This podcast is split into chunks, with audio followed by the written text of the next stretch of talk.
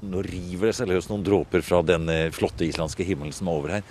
Ja, Vi har ikke klima, vi har bare eksemplarer av vær. Ja. For, nå begynner det å regne sterkere. Ja, Det er til og med litt hagl i lufta her nå. Men det var jo sol og flott bare for noen minutter siden. Med føttene godt plantet på historisk grunn går vi rundt og ser på Snorres Reikholt. Navnet må jo ha noe med røyk å gjøre.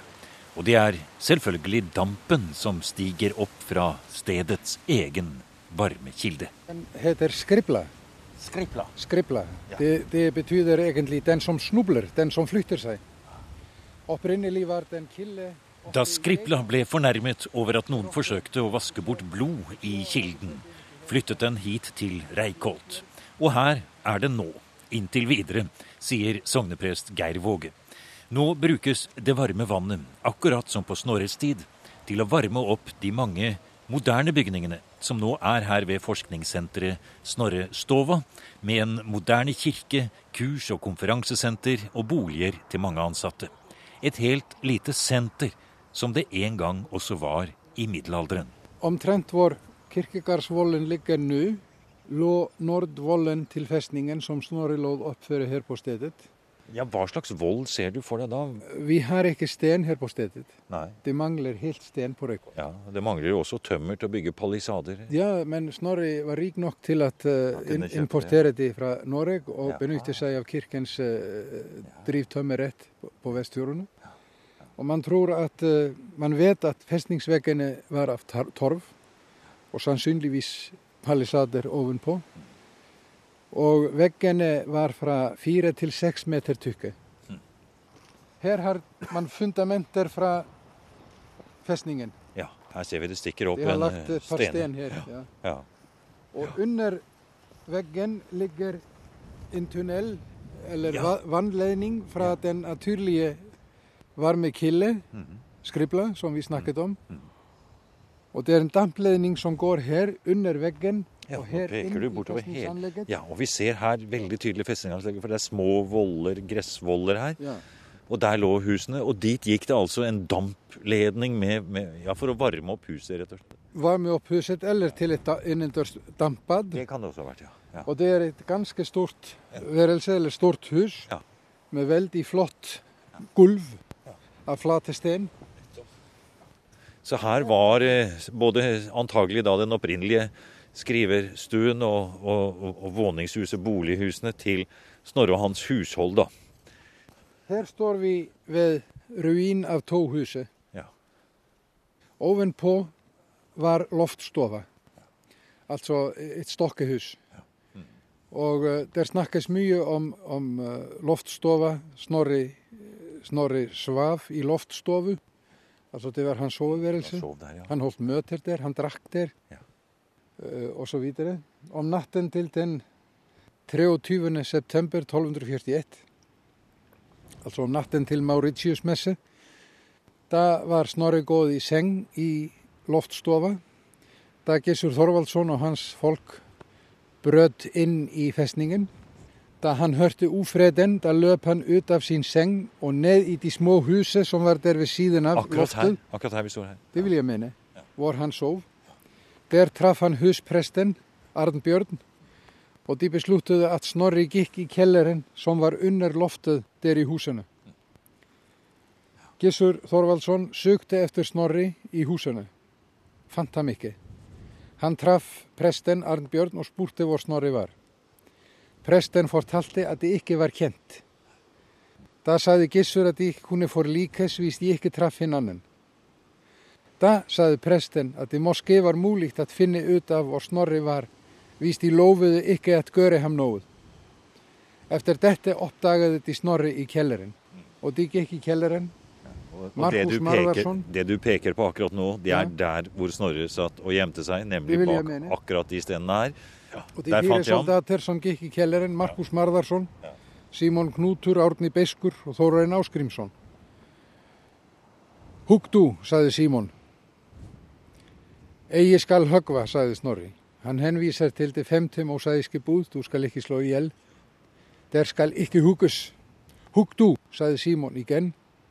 Í genn saði Snorri, egi skal högva. Eftir þetta gaf Arne, hann bane sór og því begge tó hann og Torstein unnu á honum. Also, gikk til angref, finished him off, altså drefti hann. Akkurat það, já. Du har nå eh, fortalt oss navnene på ja. en rekke av disse mennene som gikk imot Snorre og tok livet av han. Ja. Mange av disse var jo tidligere allierte, og, og, og, folk som Snorre hadde hatt en nær tilknytning til gjennom livet. Nettopp. Og det var noe av det vi var inne på. Dette er egentlig en ganske, ganske tragisk situasjon. Ja. ja. Så denne tiden som Snorre levde ja. midt eh, inni, var en så dyp, konfliktfylt tid. Ja. Eh, og det må jo ha opptatt ikke bare og preget ikke bare Snorres liv, men egentlig den islandske overklassens og høvdingeklassens liv ja. gjennom denne tidsepoken. Ja. Det må jo også ha hatt innvirkning og betydning på den eh, litteraturen som de formet. Altså, det må være en sammenheng mellom denne dramatiske perioden og Det er jeg helt enig med deg. Helt, helt enig med deg. Selv om de skriver om ting som skjedde 200-300 år før, mm. så skriver de om sin samtid. Ja. De, tolker, uh, de tolker de gamle historier med hensyn til uh, samtiden. De speiler seg i eldre historier. Der kom vi oss inn. Her var det litt bedre, ja. Nå kom vi inn i Snorrastova et moderne forskningssenter. I forrige program fortalte professor Jon Gunnar Jørgensen om hvordan de indre konfliktene i islendingesagaene kunne oppfattes som en tragisk konflikt. Som et speil av de voldsomme brytningene i borgerkrigen på Island på 1200-tallet. Nettopp på den tiden da sagaene skrives ned, som her på Snorres Reykholt. Det er jo ganske underlig da, at i et land som, en, som, som har en eh, Eh, styreform som jo er helt spesiell i Europa, nemlig at de, de har en velorganisert kirke under eh, erkesetet i Nidaros.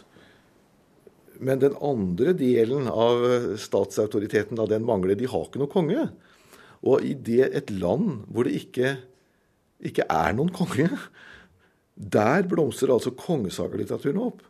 Eh, og vi, har lest Egelsaga, eh, som dreier seg nettopp altså om Eh, høvdingen Egils eh, kontroverser med kongen i Norge og hans gode forhold til kongen i England. Altså det dreier seg veldig mye om konger. Og, og dette at, eh, at det blomstrer altså i et land som ikke har noen konge, det er jo, det er jo litt, et litt underlig, underlig spørsmål da. Det, men man kan jo si det fører jo også til at de, de får jo til slutt en konge på Island, ja, altså, men det er ikke en islandsk konge? Nei, det er ikke det. Og, og jeg må jo tro at når denne litteraturen blir til eh, i et samfunn som kanskje eh, ja, opplever et, et kaos, et tragisk kaos, også som vi har sett, som Snorre selv var involvert i og ble et offer eh, for, at den situasjonen, den må ha må avspeile seg i litteraturen. Det må være, være en sammenheng mellom denne samfunnssituasjonen og denne litteraturen. Og eh, det er jo ikke så enkelt at det, og, og, som det å tenke seg at islendingene går rundt og ønsker seg et statsoverhode, enten det hadde blitt Snorre eller en biskop eller, eller, en utenlandsk fyrste, som de kan slutte seg til, sånn som uh, historien uh, førte frem til, da, som, det ble, så tror jeg at, at uh, denne litteraturen den tar opp denne diskusjonen. Altså eh, både islendingesagaene med, e, med, Egils ambivalente forhold til kongemakten. Det er en diskusjon av, av, en vei ut av kaoset, eller en beskrivelse av det samfunnet som sagaen blir til. I kongesagaene er jo også en, en måte å eh, beskrive den alminnelige europeiske samfunnsmodellen eh, som en, eh, en, mulig modell også for Island, kanskje. Men, men det er heller ikke noen, noen sånn eh, Det er jo ikke noe propagandalitteratur i den forstand at det står Se her, sånn, sånn vil vi ha det her også. Men det, det er en litteratur som kan skape refleksjon, og hvor samfunnsspørsmålene styringsmodellene kan eh, diskuteres. Se her, nå setter forfatteren seg til her på Snorrastova. Tennes det lys her, og det er litt uh, høytidelig. Det er vi vant til. Ja, nå skal vi få høre noe fra en biografi over Snorre Sturlason som ennå ikke har kommet ut. Þess hefur áður verið getið að Hákon Konungsson var löngum í fóstri hjá Hákonni Galin og Kristínu konu hans og lögðu þau hjón mikla ástúð á sveinin. En þó var hennar skaplindi sem flestra kvenna det er den islandske forfatteren Oskar Gudmundsson som høytidelig sitter ved et bord med tente lys i storsalen i Snorrastova og leser opp fra sitt manuskript til den nye biografien over Snorre Sturlasons liv. Snorrastova er et forskningssenter hvor det arbeides både med arkeologi, naturvitenskapelige landskapsstudier og selvsagt sagalitteraturen. Gudmundsson peker på at Snorre bygde et maktsenter med både kirkelig og verdslig makt i sin store borg her på Reykholt. Altså det, det, er sånn at Snorri før i tiden så ansås han for å være nesten landsforræder her i Island. Og uh, det tror jeg han ikke har vært, men uh, han var uh, Altså man må tenke seg at i den tid så var, var det et felles språksområde. þar sem hann snakkiði íslensk, gammil norsk mm. og þetta var eitt felles kultúromröðu på den móði svo, svo var þetta eitt fólk altså norrmenninu og íslendinginu de hafði den samme kultúr og Snorri Sturluson uh, gjorde hvað hann kunni for að uh, øh, yrka den her kultúr og, øh, og göru sætt til nýtti af uh, det norske gods og de forbindelser, de kulturkapitalistiske eh, forbindelsene han laget i Norge. Eh, han ville gjerne være eh, den største høvding, og til sist så, så Altså til sist ble han jarl i 1239. Jarl av skoleherr 2. Og, og, men han hadde også vært den høyest ansette lensmann av kong Haakon allerede i årtier. Så han var, han var den uh, største høvding av islandske, av islandske høvdinger i forbindelse med kongemakten i Norge. Uh, fra 1220 til 1235 sånn noe.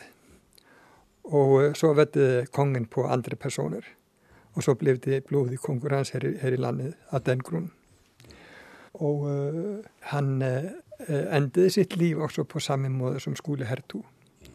Han falt for kongens menn og ble drept. Han selv uh, var ikke meg voldelig, men, men uh, han anses for at ha vært organisator, sånn bakpå.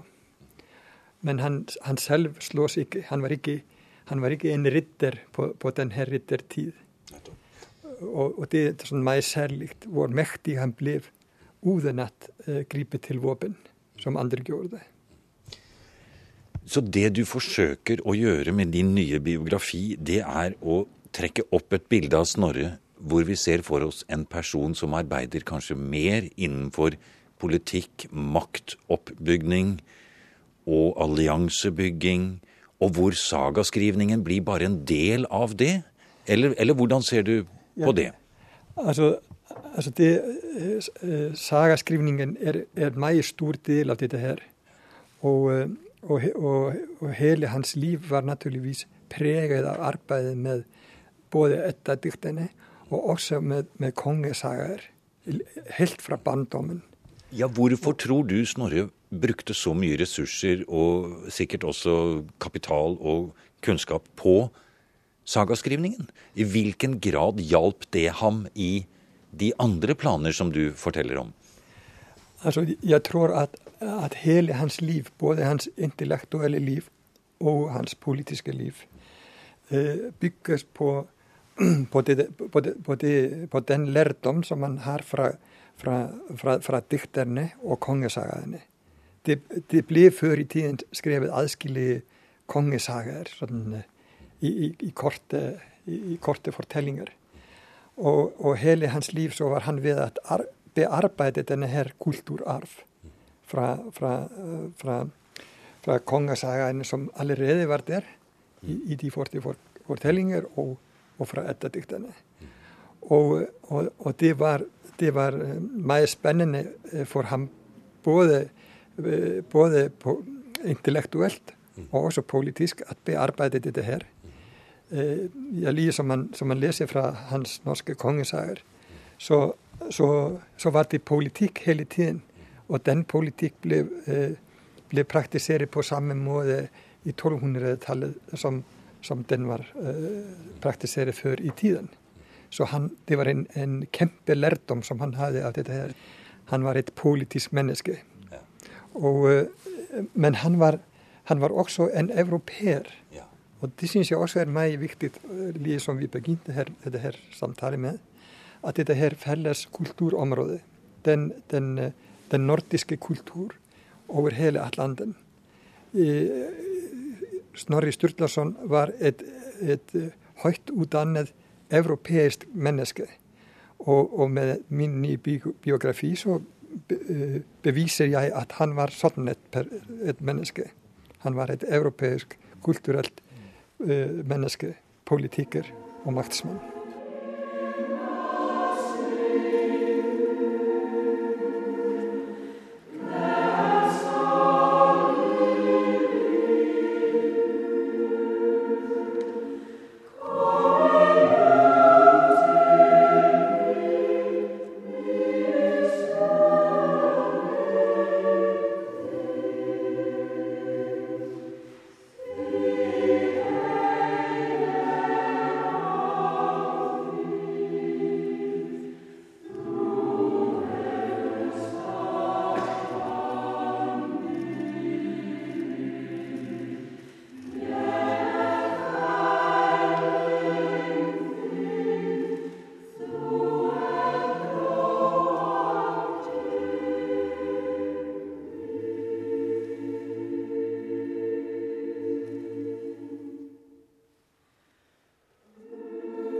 Heir himna smidur, en islandsk salmetekst fra 1200-tallet, framført i Reikholt kirke.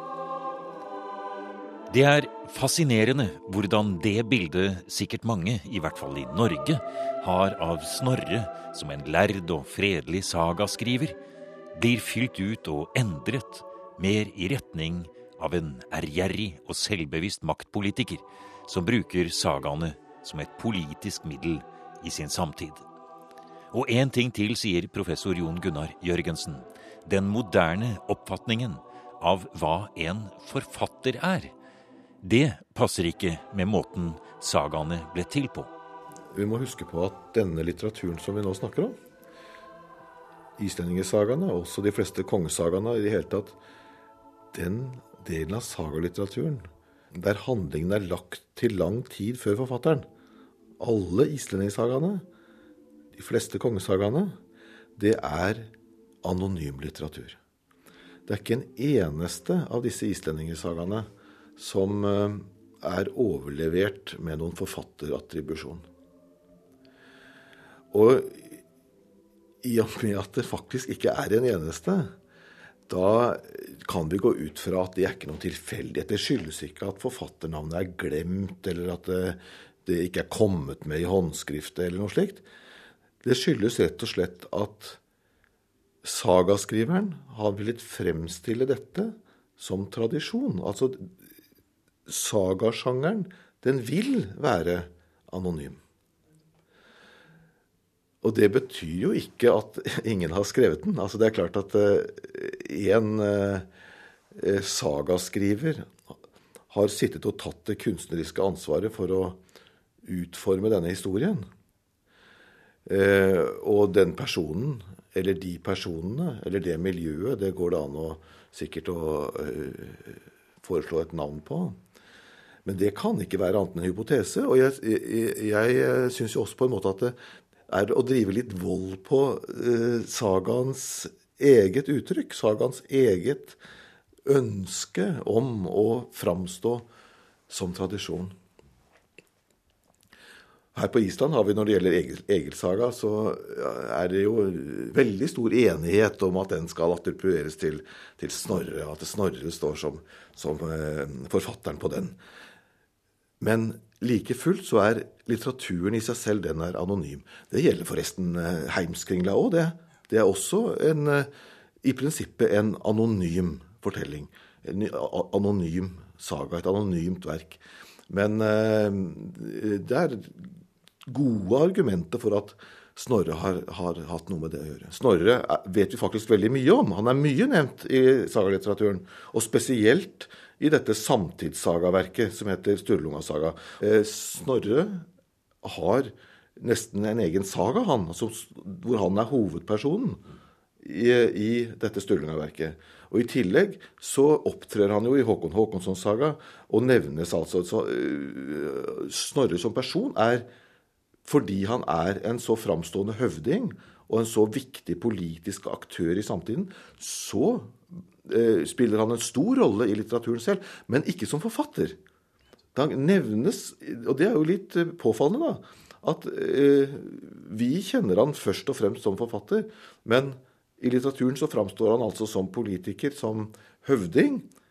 Og det nevnes bare i en liten bisetning at, eh, at han satte sammen sagaer.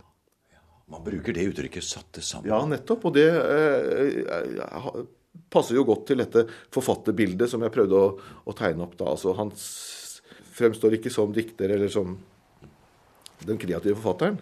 Eh, det står at han satte sammen, altså. Vi kan ikke forlate Snorres Reikholt uten å snuse litt på en annen gren av den nye sagaforskningen min drøm er å eh, starte en forskning her, f.eks. i Reykholt, om 1300-tallsforskning. Vi har banket på hos Snorrastovas direktør, Bergur Torgersson. Hans spesialfelt er nettopp fornaldersagaene.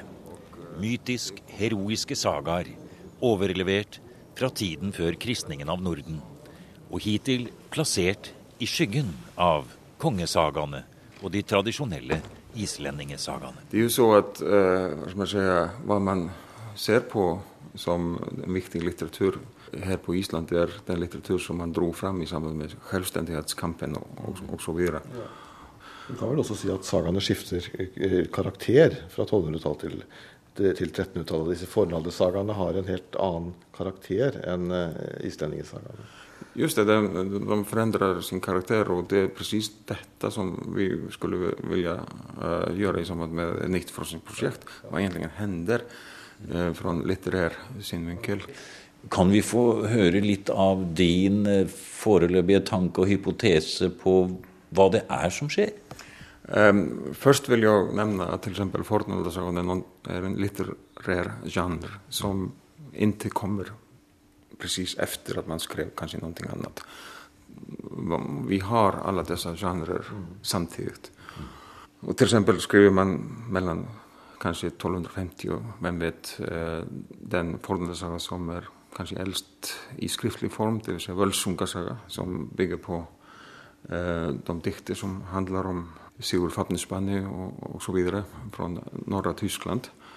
Men sen i början av 1300-talet då började man använda fiktion betydligt mer. Man kanske inte upplever sig som en historiker som skriver bare gamle historier som man trodde på.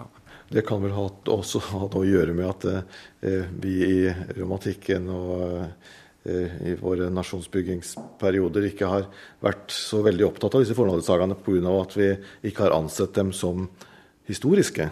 Så vi har vært veldig ute etter det historiske innholdet. Ja, og man har ikke forsket deres stil, deres fremstilling, hva egentlig de sier. Så neste gang det blir programmer i museum om sagalitteraturen, så får det bli Voldsunga-saga, Sigurd Fovnesbane, Grettes-saga, eller kanskje helst Gangerolfs saga. Gangerolfs saga? Ah, Gangerolfs saga.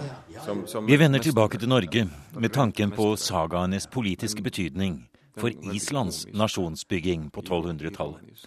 Og kan ikke fri oss for tanken om at det er likheter med den voldsomme interessen for Snorres kongesagaer i den nye nasjonen Norge på 1800-tallet.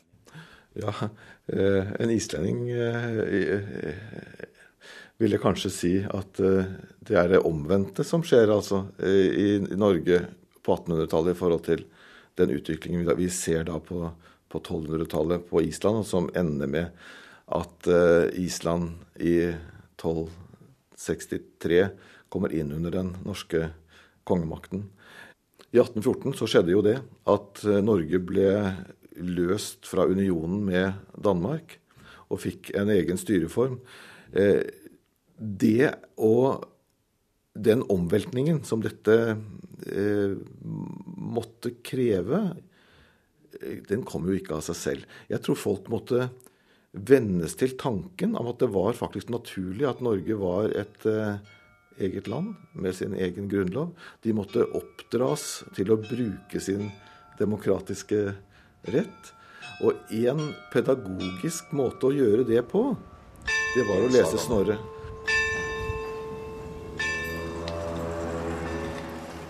Du har nå hørt programmet Museum som podkast fra NRK. Museum sendes i NRK P2 på lørdager og søndager. Du finner flere programmer på nrk.no podkast.